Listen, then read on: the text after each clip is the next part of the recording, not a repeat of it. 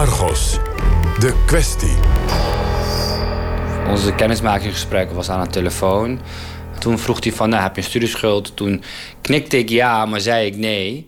Dus ehm, ja, zo makkelijk gaat dat dus. En hij zei oké, nou prima. En voor de rest heeft hij er niks meer, niet meer naar gevraagd. En zo heb jij je vrijgewaard van blaam? En zo heb ik mij uh, vrijgewaard van blaam, ja, inderdaad. voor, mijn, uh, voor, voor, mijn, voor mijn eigen gevoel. We lachen hier wel om, maar officieel is het fraude. Want je bent wettelijk verplicht om je studieschuld te melden bij de hypotheekverstrekker. Ik vraag hem wat hij vroeger wist wat voor effect een studieschuld op een hypotheekaanvraag kan hebben. Dat zijn wat ik met de jaren zeg maar, heb overgedragen gekregen van mensen die al in dat traject zaten. Zeg maar. De informatie over studieschuld en hypotheekaanvraag. Ja, dat iedereen eigenlijk zei van je moet niet zeggen dat je een studieschuld hebt. Waarom zeiden je vrienden dat je een studieschuld moest verzwijgen bij het aanvragen van een hypotheek? Ja, omdat je daardoor dus eigenlijk meteen anderhalf tot twee keer minder uh, kan lenen. En daardoor is het dus eigenlijk, blijft er amper nog maar iets over, zeg maar, uh, om, om, om iets fatsoenlijks te kopen in, in de Randstad.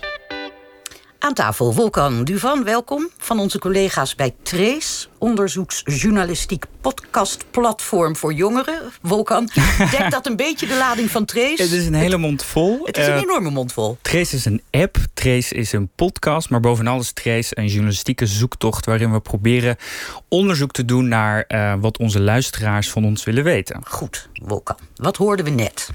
Nou, wat we net hoorden is een stukje van een reportage die ik heb gemaakt voor Trace, waarin ik eigenlijk op een soort van wereld ben gestuurd waarin je eigenlijk niet mag liegen maar de overheid die wel de middelen geeft om dat te doen. Wat mij opviel is dat de studieschuld nogal een rol speelt wanneer je een huis koopt. Want je bent wettelijk verplicht om je studieschuld op te geven wanneer je een uh, hypotheek aanvraagt. Maar dat gebeurt niet.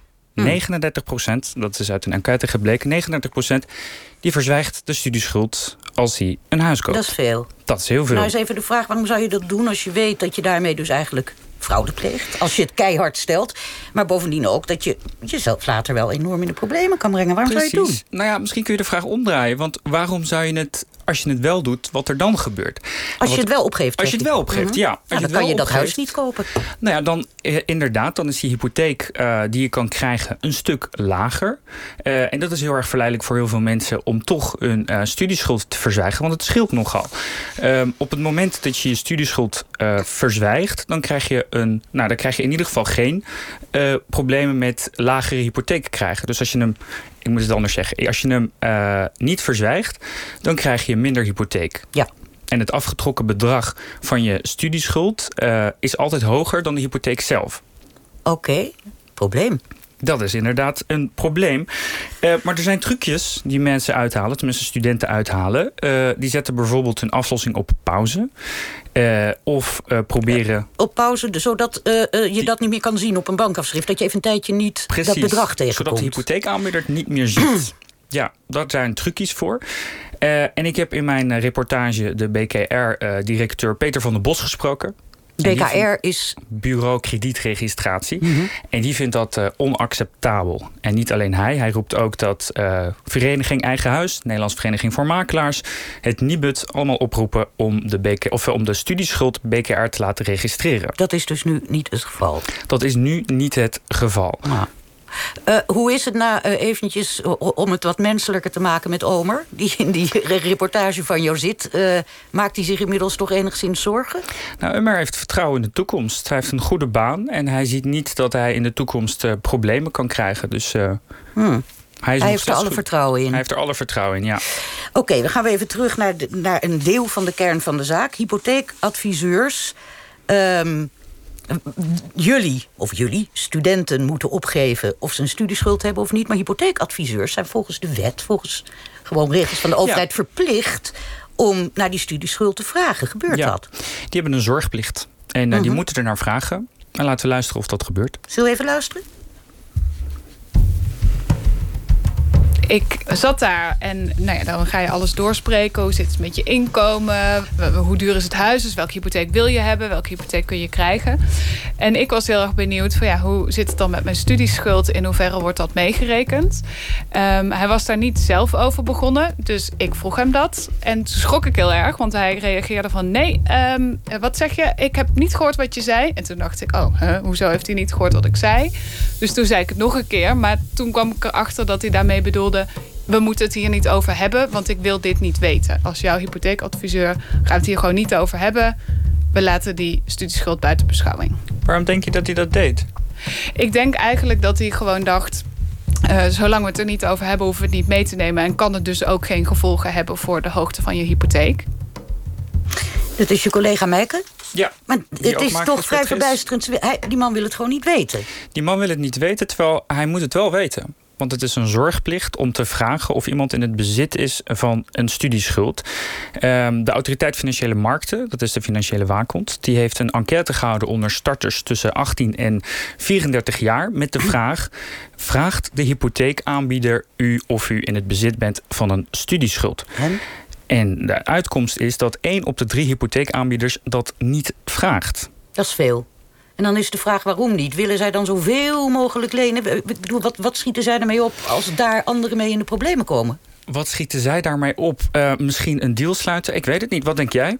Ik heb er geen gedachte over. Ik kan me er niks bij voorstellen waarom zij bewust mensen iets aan zouden willen smeren... waarvan ze weten dat ze later door een verzwegen schuld in de problemen kunnen komen. Precies, dat is ook precies wat Peter van der Bos zegt. Het is heel simpel. Um, op het moment dat je uh, meer geld leent dan je later kan terugbetalen... dan kan je in de financiële problemen komen. De politiek. De politiek. Hoe staat die hierin? Nou ja, ik heb um, het ministerie van Onderwijs gesproken. En die zeggen, uh, een studielening is niet een lening waarvan je in de financiële problemen door kunt komen. Dus daarom hoeft hij volgens uh, het ministerie niet uh, BKR geregistreerd te worden. Meteen even een verduidelijking. Hoe, hoe ziet een lening waardoor je niet in de problemen kan komen als je hem niet aflost eruit, als een gift? Wat, wat, is het dan? Ja, je moet hem wel uiteindelijk terugbetalen. Dus de kans dat je daardoor wellicht in de financiële problemen kan komen, is natuurlijk aanwezig. Maar het ministerie zegt van niet. Het ministerie zegt van niet. Mm En andere politici die we spraken, collega uh, Tessa, die heeft uh, voor haar onderzoek over rentepercentages een aantal Kamerleden gesproken, waaronder Gini Usdiel. Die houdt zich voor GroenLinks bezig met onderwijs. En hij schuift de verantwoordelijkheid juist bij de oud-student zelf. Hij zegt: je bent zelf verantwoordelijk op het moment dat je je studieschuld wel of niet meldt. Nou, daar zit natuurlijk ook wel een kern van waarheid in. Daar kan je wel zelf verantwoordelijk voor zijn. Maar je hebt het over die zorgplicht van de hypotheekverstrekker. Of nee, het is de gever, ja, hypotheekgever. Mm hypotheeknemer. Ook altijd zo ingewikkeld. Maar in elk geval, de, de, de hypotheekadviseur heeft een zorgplicht.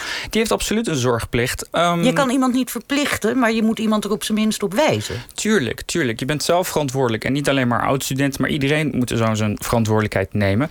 Alleen die BKR, dat is een beschermingsmechanisme om overkreditering tegen te gaan. Om niet in de financiële problemen te komen. En hierin beschermt de overheid juist niet. En wat zou daar dan achter kunnen zitten? Dat de overheid nu ineens denkt... ja, maar we moeten niet alles dicht eh, timmeren met regeltjes... en de mensen moeten een eigen verantwoordelijkheid hebben. Terwijl alle betrokken instanties ja. zeggen... Hè, die hiermee te maken hebben... Vereniging Eigen Huis, Bank, Hypotheken, BKR... zeggen dat moet je doen. Ja, ik vind dat een moeilijke vraag om antwoord op te geven. Omdat ja, het ministerie zegt heel duidelijk... een, een, een lening is, uh, een studielening... is een investering in jezelf. Dus we zien het niet als een commercieel krediet. Consumptief krediet is een beetje een lastig woord inderdaad. Um, ja, ze gaan er niet op in om een BKR te, te registreren. Jullie zijn, wat je al zei, interactief onderzoeksplatform. Uh, wat zijn de reacties van jullie volgers, jullie luisteraars? Wordt er veel gereageerd? Nou ja, onze luisteraars die worden hier een beetje zenuwachtig van, van dit onderwerp, merkten wij. En dat merkten we ook bij ons op de redactie. We zitten bij een behoorlijk jonge redactie... die allemaal wel iets te maken hebben met een uh, studieschuld. Onze stagiair bijvoorbeeld, die liep weg tijdens de montage... om erachter te komen of ze haar OV-chipkaart wel had... studenten-OV-chipkaart wel had stopgezet. Dus het is een soort van onderwerp die je liever onder het tapijt schuift... en waar je eigenlijk niet zo heel veel over wil weten. Um, maar er zijn nog geen luisteraars geweest die zeggen... inderdaad, die uh, studieschuld moet BKR geregistreerd worden. Want ja, het blijft verleidelijk om hem uh, niet Om- te registreren, zodat je een hogere hypotheek kunt Om het krijgen. toch maar te verzwijgen en dan later maar zien. Ja, en later maar zien. Oké, waar zijn jullie nu mee bezig? Nog even kort bij Trace. Bij Trace zijn we op Het dit moment onderwerp? bezig met een heel groot onderwerp die we afbakenen ehm, met privacy in de echte wereld. Dus niet de online wereld, maar we duiken in de echte wereld. En de echte wereld die vol staat met camera's.